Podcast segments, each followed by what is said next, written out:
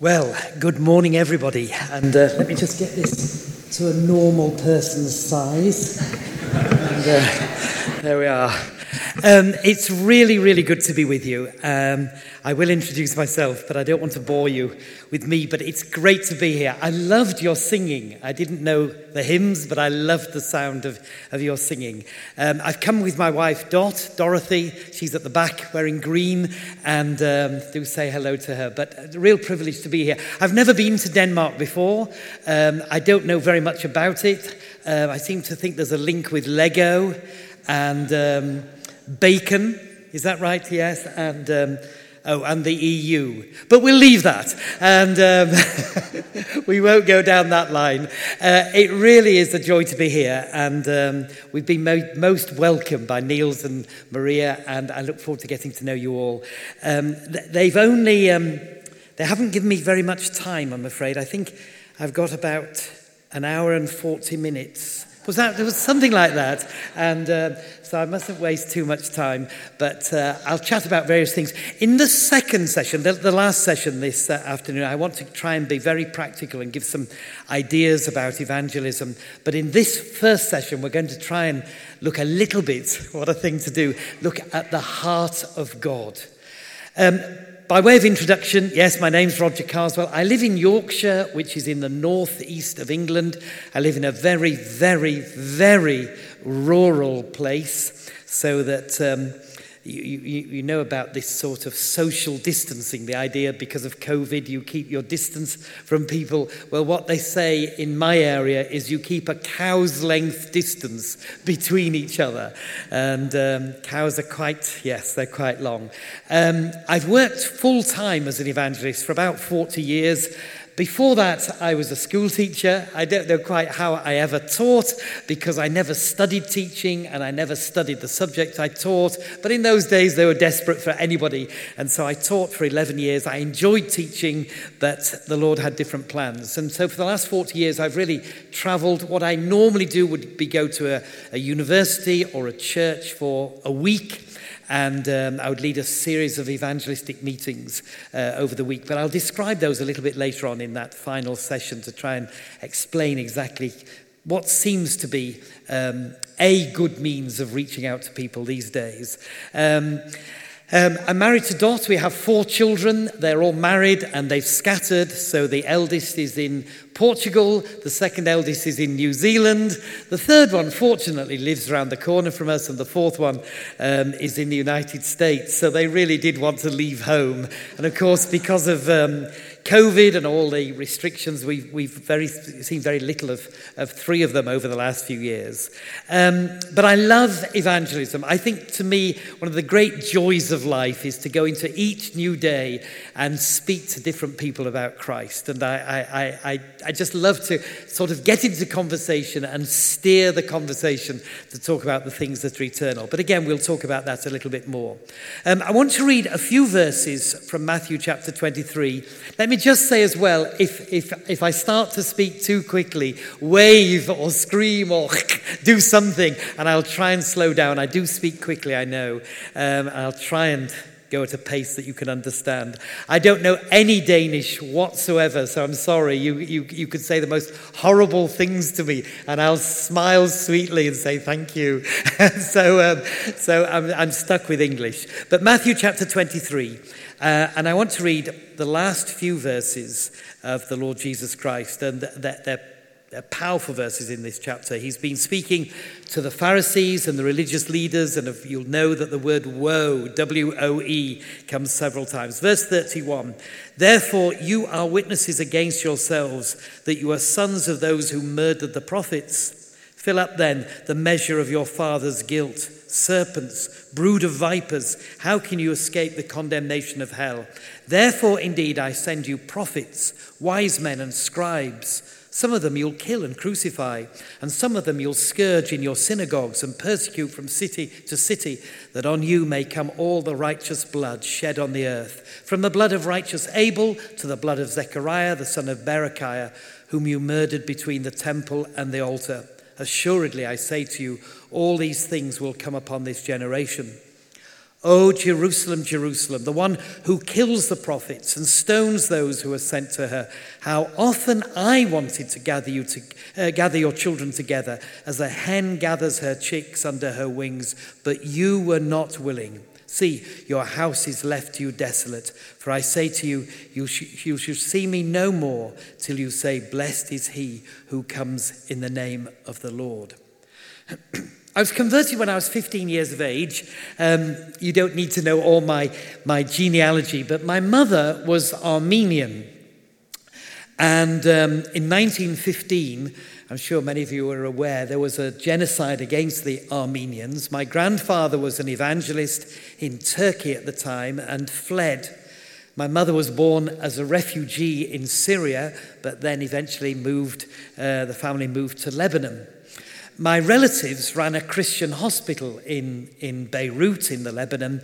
We'd been there before as a family on holiday from England, but when I was 15, I went there by myself. It was an exciting, exciting adventure for a 15 year old boy to go to the Middle East. And I had the most wonderful holiday um, endless games of tennis and cricket I tried to teach these people cricket, they, they had no idea really, but croquet and baseball and swimming in the Mediterranean, it was wonderful. But these were Christian people, and wherever they went, they used to talk to people about the Lord Jesus. And here was this very mischievous, lively 15 year old listening.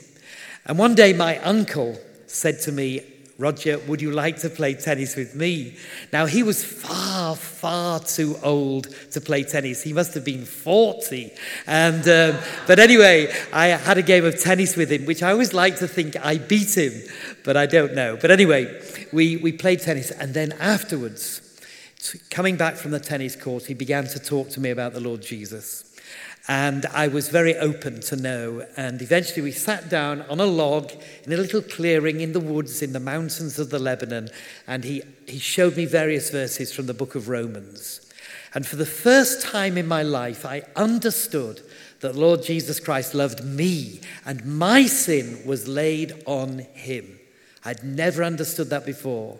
I knew that Jesus died for us, but I didn't know what that meant. But that my sin was laid on Christ and he paid for it. And he explained, I'm sure, about the resurrection and then said, Roger, have you ever come to a time in your life where you've trusted Jesus Christ as your Lord and Savior? I knew I hadn't, but this 15 year old mind felt, if Jesus loved me enough to die for me, the least I should do is trust him. And so, as a 15 year old, I asked Jesus Christ to be my Lord and Savior. I remember my uncle in the next few days taught me to read the Bible and to pray every day. And he said, Now, when you get back to school, you need to tell your friends about Jesus. And I thought, ah, I'll never be able to do that. We, I, I had one particular friend, and we were partners in mischief at school. We were always up to tricks, and daren't tell you. But anyway, we did the most naughty things. And, um, uh, but I thought I could never tell him about Jesus. But I found that when I got back to England, the most natural thing in the world was to talk about Christ. And I began to feel for those who did not know what I had learned. My heart began to go out to these people. It's an interesting thought, isn't it? Feelings. My feelings go up and down ever such a lot. Maybe because I've got some Mediterranean blood in me. I, you know, I can be very high, but I can be very low as well. But I, I, I, love, I love to understand the motivation behind people. Probably, if you were to talk to a, a British person, say a middle aged, older British person, and say, Who is the greatest Brit ever? I think most people would say Sir Winston Churchill. Well, I, have read, I think, I think I've read five biographies of Sir Winston Churchill. One of them is particularly well known, and I found it absolutely boring.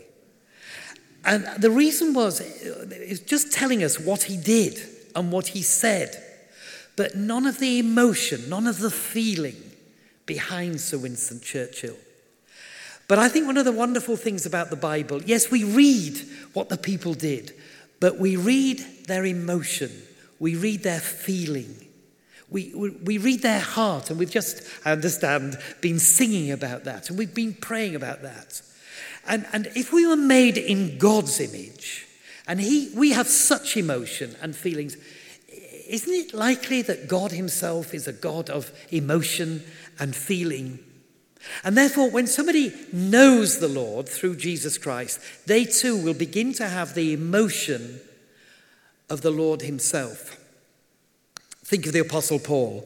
Three great missionary journeys. This, this brilliant genius of a man. He gave us so much of the New Testament. Great theologian. And yet, how much he suffered, how much he accomplished. And yet, we find him praying, My heart's desire and prayer for Israel is that they might be saved. Ah, so where does that feeling come from? Isn't it from his relationship with the Lord himself? And we're going to find that throughout all of the scripture. But what about the Lord Jesus Christ himself? How did he feel? Uh, we know he is God himself and he has come down to earth. This is God big enough to become small. God strong enough to become as weak as a helpless little baby. That baby laid in a manger is the infinite, eternal God who has become like us. The Creator has become like us, His creation. In fact, that infinitesimally minute fetus implanted in a virgin mother's womb nine months earlier in Nazareth is God, clothing Himself in a human body. We get an insight into the Lord Jesus Christ when he's just 12 years of age and he's in Jerusalem. Mary and Joseph are there, and you know the story. They, they make tracks back to um, Nazareth, and then they find that Jesus isn't with them. So they go looking for him. Three days they're looking for him. Why did they not think immediately he'll be in the temple? But eventually they get to the temple and, and they speak. And Jesus said, Did you not know that I must be about my Father's business? So there's a sort of divine impulse, a passion to be, yes, obedient. He, he made himself subject to be obedient to his Father. When he's baptized, he says it is right, it is proper to fulfill all righteousness, this, this passion to do what is right. His healings, we know so many of these miracles, and yet we find the Lord Jesus moved with compassion towards those who are sick, blind, deaf, mute, lame, those who've been consumed by some sickness, sometimes because of their own sin. We find him at the grave of Lazarus, and he weeps. Now, people discuss why did he weep? Because he knew he was going to raise Lazarus back to life, but why did he weep? Was it because Lazarus was going to have to go through the valley of the shadow of death again? Was it because he saw the, the sort of lostness that had led to death, spiritual death, physical death? Was it because he, he felt the pain of all around him? He, he wept, though.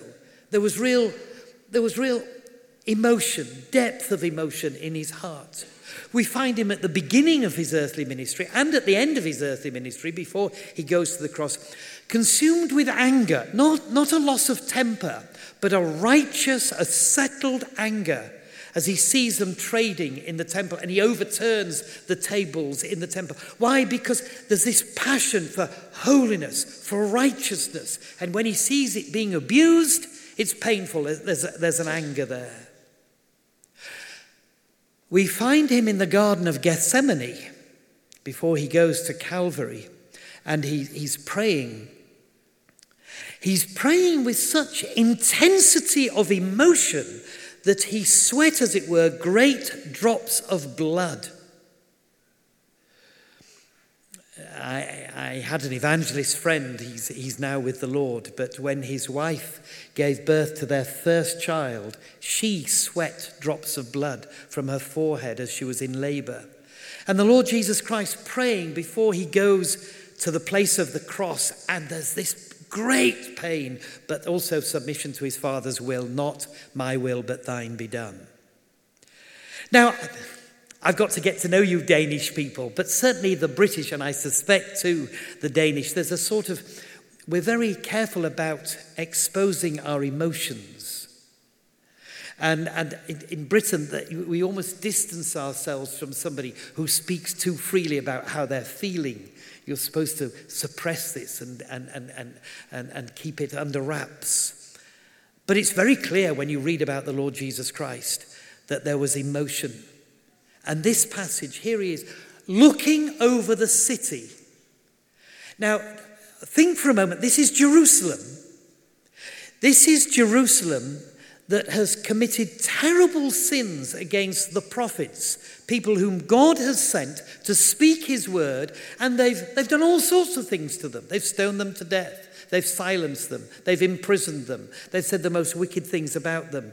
And yet, you find that the Lord Jesus Christ has an earnest desire towards these people. He loves them. Now, he's going to die for them. Yes, I know that but they are going to crucify him. These are the very people who very soon are going to be shouting out, His blood be on us and on our children. Crucify him. And yet he loves them and he weeps for them.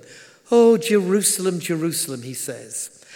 You who kill the prophets and stone those who are sent to you, how often I would have gathered you as a hen gathers her chicks under her wings, but you would not. I would but you would not. Now, again, I don't know about Denmark, but, um, but in, in Britain, we would very often get emails or texts. In fact, I got one um, last week from a Nigerian widow who has just got millions and millions of pounds and though she's never met me, she wants to give me two or three million back. Do you get these? It sounds as though you get them as well. I've never met her. Do you know, I've never actually responded to her. Eventually, if I found out she'd be, she was genuine, I'd be very upset. but she's not genuine at all. This is, it's a scam. We know this. But God is not like that. There is a genuine heart, a genuine invitation to men and women and young people who are distant from him. And his desire is that we might come to him. His desire is that he might forgive us. His desire is that we might have fellowship with him. He doesn't ask us to do anything, he just asks us to repent and to receive. And I've, I've noted some of the words which God uses. They're, they're lovely. Come. Come unto me, all you who labor and are heavy laden, and I will give you rest. Or Come, this is Isaiah now. Come, let us reason together. Though your sins are scarlet, they shall be as white as snow. Though they be red like crimson, they shall be as wool. This is God Almighty, this infinite, omnipotent God, the God who can do anything, the God who just spoke. And as he spoke, billions of galaxies were created. Amazing, isn't it? I think the, the greatest understatement in all the Bible is that half line that you get in Genesis 1 He made the stars also. Excuse me, there are 100 billion galaxies, each with 100 billion stars, and that gets half a line in the Bible. this is God. And yet, He's the one who appeals to the very people He has created. We who've rebelled against Him. And He says, Look, come to me. I want to forgive you. And then he, says, Look, just, just look unto me, all you ends of the earth, and be saved. And, and you remember when those, those uh, serpents were, were biting people in the wilderness, and uh, Moses was told to make this, this pole with the brass serpents and just look, look. Probably the greatest preacher that Britain has ever known was Charles Haddon Spurgeon. And uh, people still read, Christians anyway, still read his sermons today. We all love Spurgeon, and nobody ever dares disagree with Spurgeon. But how was he converted? As a 15 year old boy going to church in a snowstorm. He went into a little church, not the one he was planning for, and there were just five or six people in the congregation. He was seated up in the, in the balcony. The preacher he hadn't arrived, so just a country yokel, a, a sort of farm labourer, came into the pulpit. He preached, and he preached from that verse in Isaiah. He, he really didn't know what to say. He, he just kept quoting the verse Look unto me, all you ends of the earth, and be ye saved. And he saw this 15 year old boy Can you imagine doing this today? And he said, Young man, you look awfully miserable, but if you'll just look, you'll be saved. And sure enough, he was converted. And I think about 12 men in later years said, I was that preacher, but it didn't matter. It was the invitation to look and be saved. Or believe. Believe on the Lord Jesus Christ and you'll be saved. What must I do to be saved? Just, just believe. It's amazing, isn't it? John 3:16 we all love. God so loved the world that he gave his only begotten son that whoever believes on him should not perish but have everlasting life. Or he says receive as many as received him to them he gave the power to become the sons of God. Or repent. You know, God commands all men, all women, all people, everywhere to repent. And I love that because God has given us 10 commandments which we haven't kept. And then a new commandment I give unto you that you love one another. Hmm, not kept that either. God commands you to repent and he enables us to obey that, that command. Or call I, I, don't know whether there's anybody here, and sometimes you wonder, am I really a Christian? Do you, do you think like that? I sometimes do. And I always go back to Romans 10 13. Whoever calls on the name of the Lord shall be saved. And I think, Roger, have you called? Yes. What does it say? You shall be saved. It doesn't say maybe or perhaps, it just promises. Whoever calls shall be saved. And then Choose you this day whom you'll serve. When you look at these words, come, look, believe, receive, repent, call, choose, they are so simple. I remember talking to my, my mother in law, who um, in her later years, she struggled with dementia. And, but there were times, you know, she'd be very lucid in her mind. And I remember talking to her about the gospel and how the Lord Jesus had died and risen. And she said to me, But Roger, it, it, it, all sounds too easy. And I said to her, Do you know it is very easy for us? Because all the hard work, all the difficulty has been done and taken by Jesus. Now, why did he go to a cross?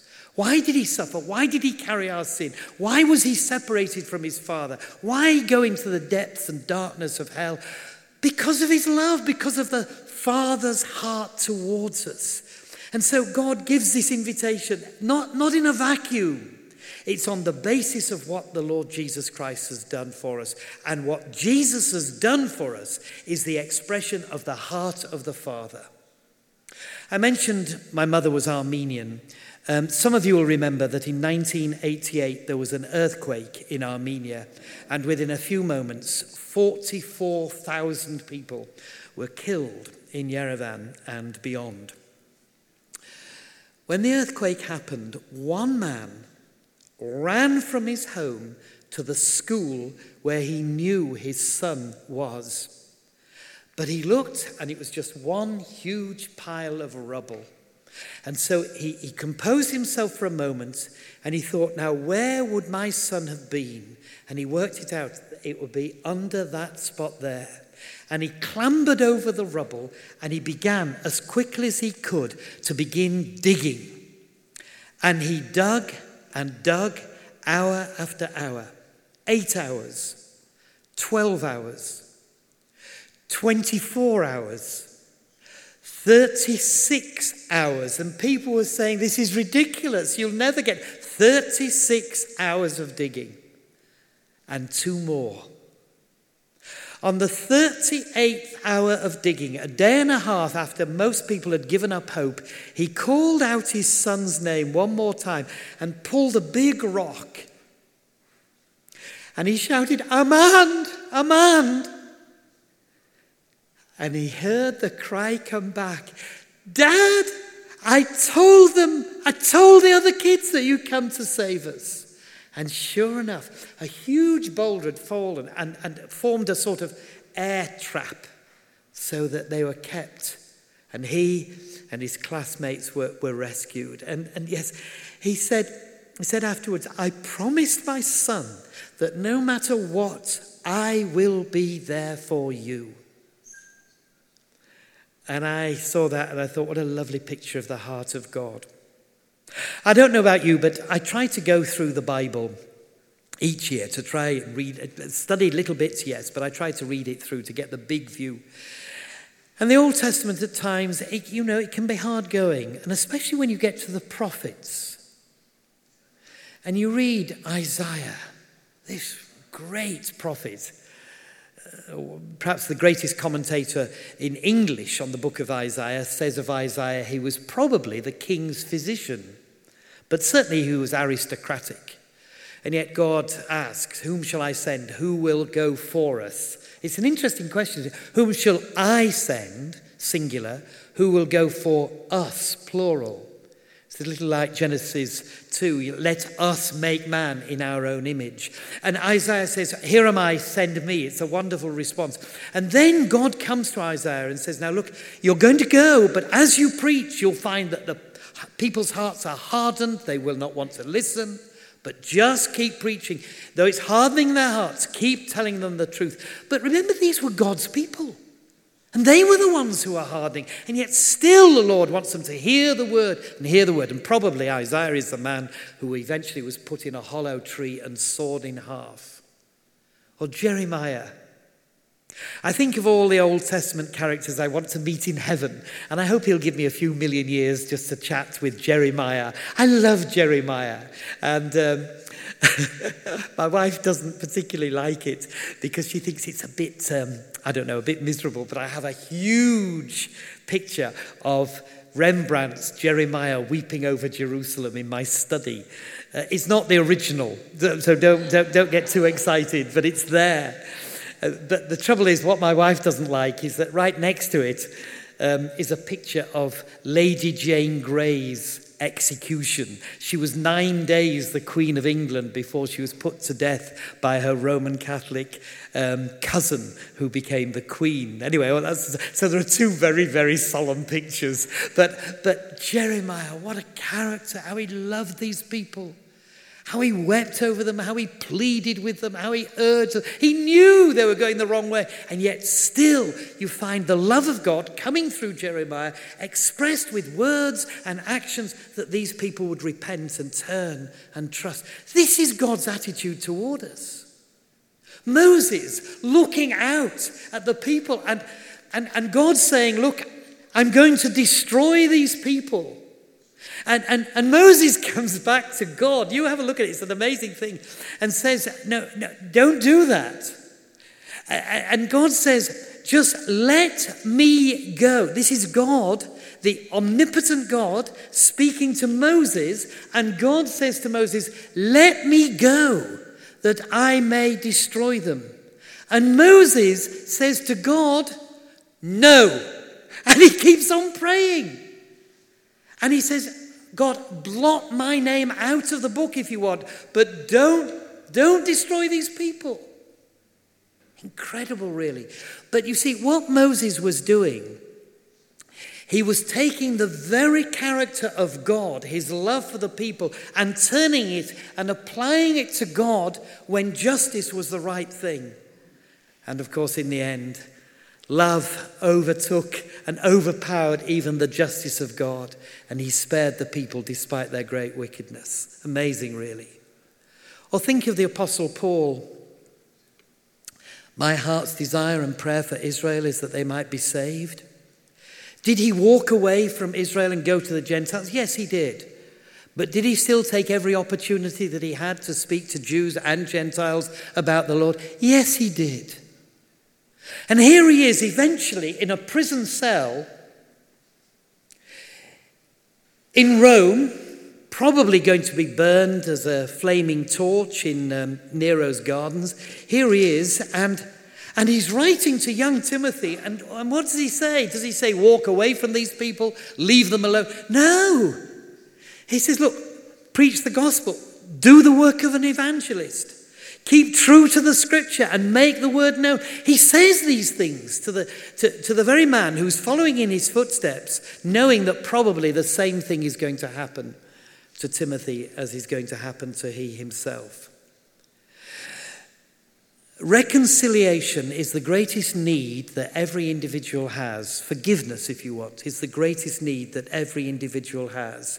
It's what the Lord Jesus Christ came to, to provide, and it, it delights the heart of God when a sinner repents and receives forgiveness. I, I, I sometimes have been at prayer meetings when um, people have prayed, Lord, even the angels rejoice when a sinner repents and believes. Now, the Bible does teach that, so there's nothing wrong with it. But the Bible goes a little bit further than that.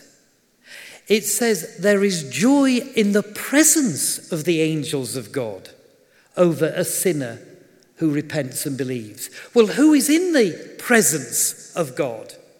Well, it's, or the presence of the angels, sorry. It's it's the Lord Jesus. So he who once wept over sinners and died for sinners now rejoices when an individual turns from their sin and trusts Jesus Christ. Isn't this an amazing thing? So, a person who can have lived their lives, maybe blaspheming in a godless way, done the most wicked things, if they repent and receive Christ, there's rejoicing in heaven.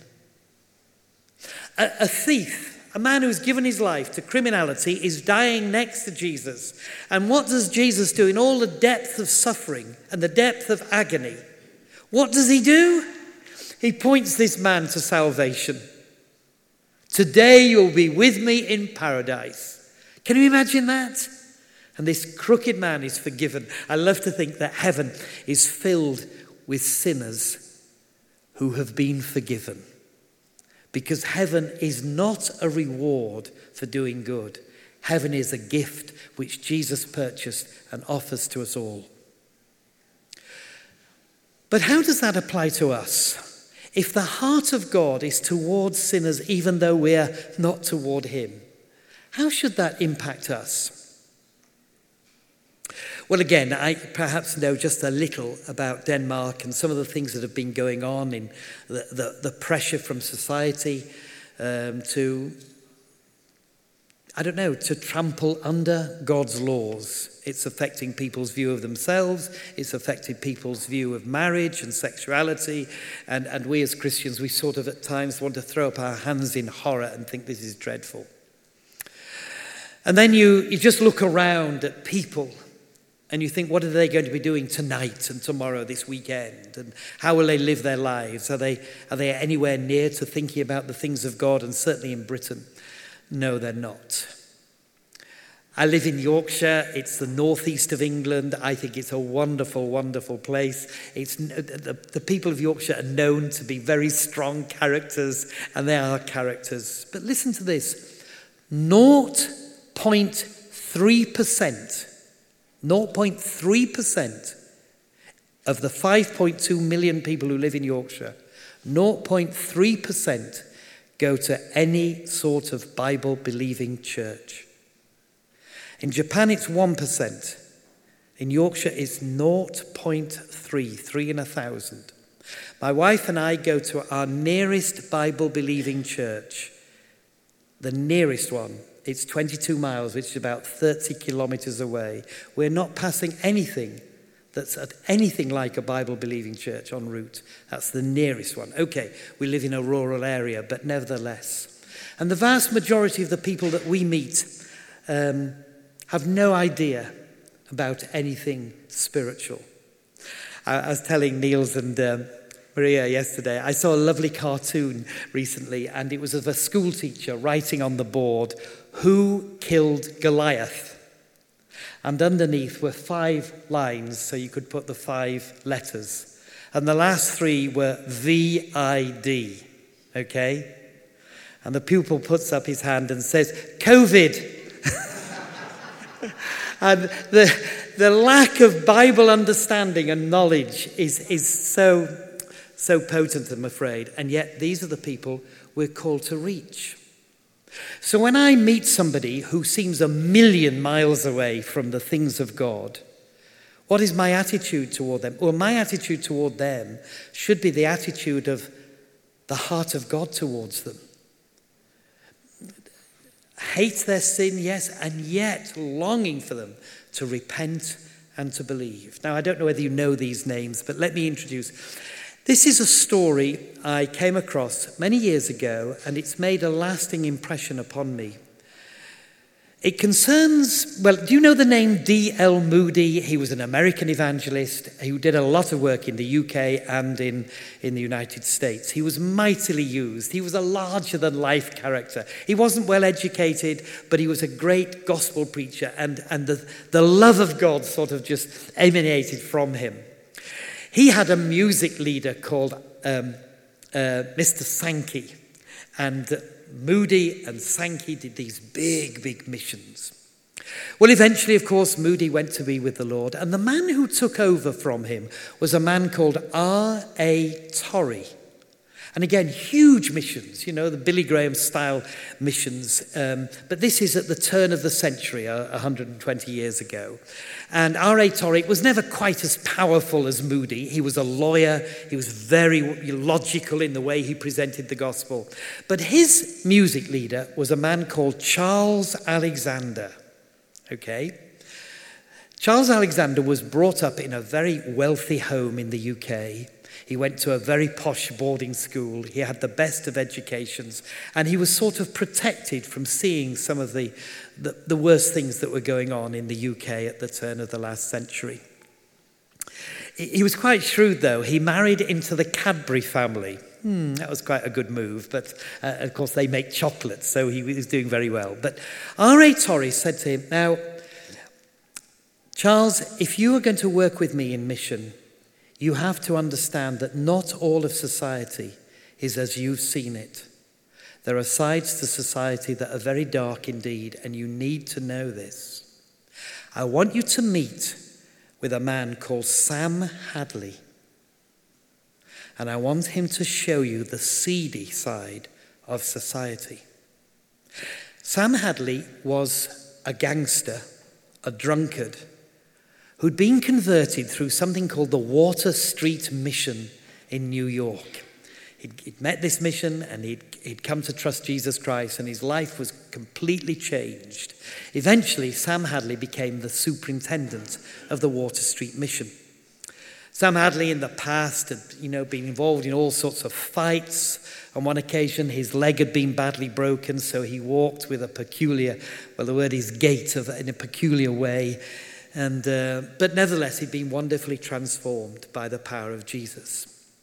Charles Alexander met Sam Hadley late one Saturday night in New York. And Sam Hadley took him into all the, the dives. We, we used to call them in England dens of iniquity, the really bad places. And hour after hour after hour, he showed him what was going on. And two, three in the morning, Charles Alexander turned to Sam Hadley and said, I can't stand this anymore. To be honest, I feel sick inside.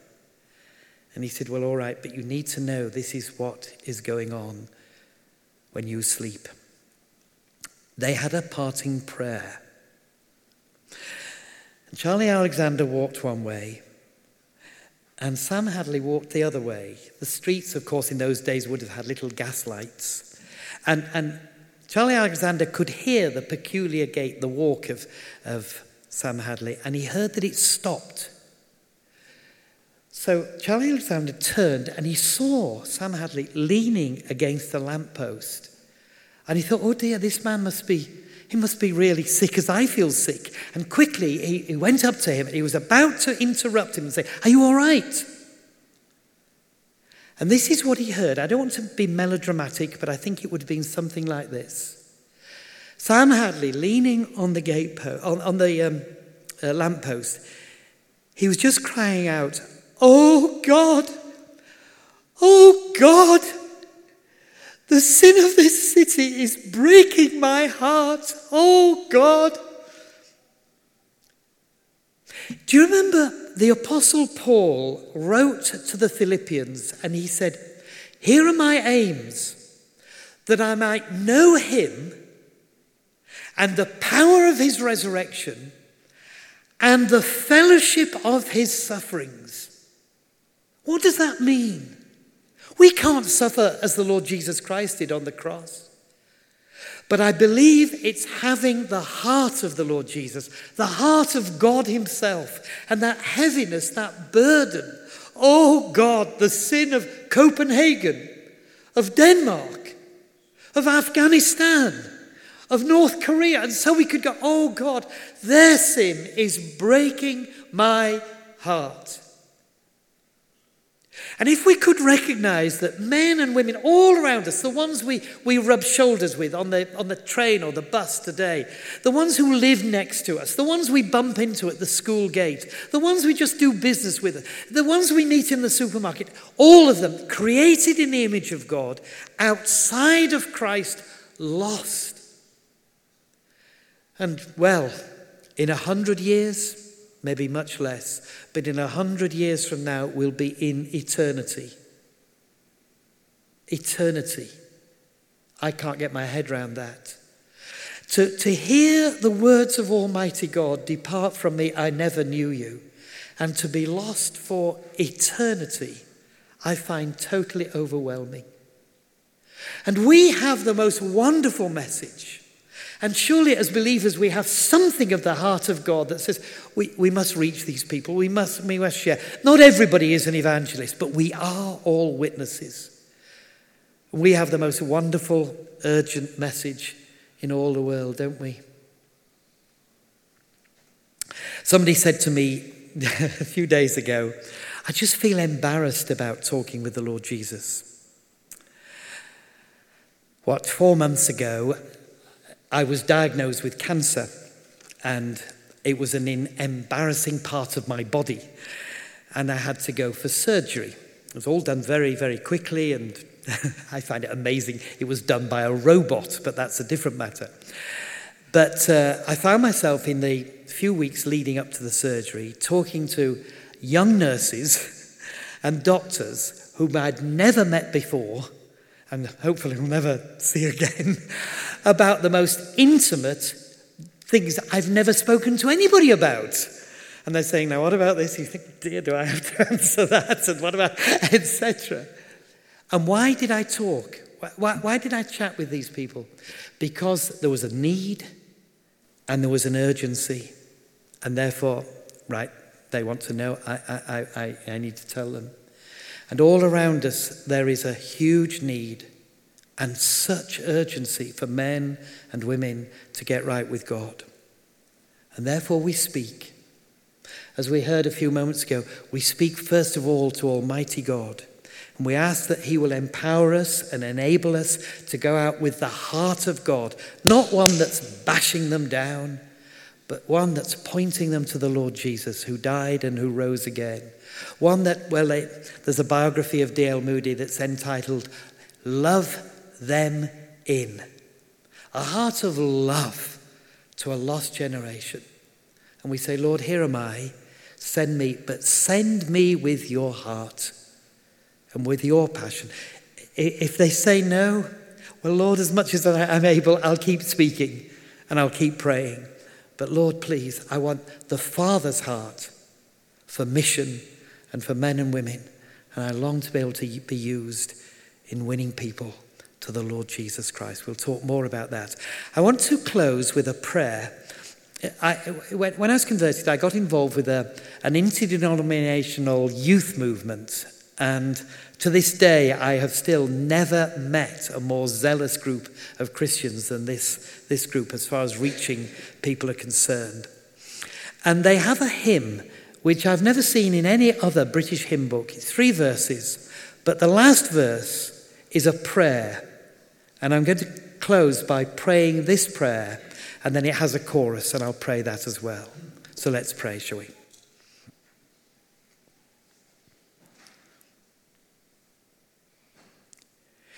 Dear Lord, I ask for the eyes that see, deep down to the world's sore need I ask for a love that holds not back, but pours out itself indeed.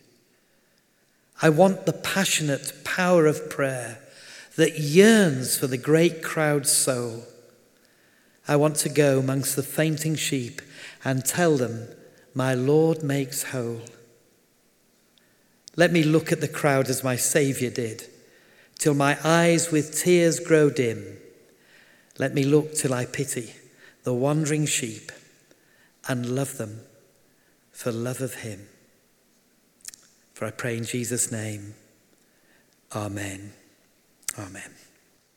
Just before I hand back, if I may, I've brought, I do a bit of writing. What else do you do late at night? You write books, don't you? So um, uh, I've just brought a couple of books. They're both on the theme of evangelism. Um, sorry, they're in English, but you'll be pleased to know this was printed in Denmark. I just checked, and uh, it says, um, what is it? Printed in Denmark by Norhaven. Do you know them? Oh, well, you don't. Uh, they're a subsidiary of Lego, I think. Anyway, um, uh, two books. This one, let, well, let me start. This is the latest, only a small book. It's called Evangelistic Living Sharing the Gospel Day by Day. And um, it really expresses my heart. Um, I'd, I'd love you to read it. The other one has been around a little bit longer. It's called And Some Evangelists. It's, it's pleading with churches to recognize and appoint um, evangelists. And it talks about the work of the evangelist. I don't know any other book in the West like this. Now, I was talking to Niels about the price, and he, he suggested 20 krona each. That sounds a lot to me, just 20. It's a big number. But what I want to say is I've put some out there, and um, if you want to leave 20 kronas each, you can. But if you don't have 20 kronas or whatever, just take them. I'd love them to be taken. I, I, there's no way I'm going to take them back to England. So, um, so they're there. Just help yourself. But if you want to leave that uh, 20 kronas, you can. I, I, I haven't got a credit card machine, but if you want to leave your credit card, you can leave that as well.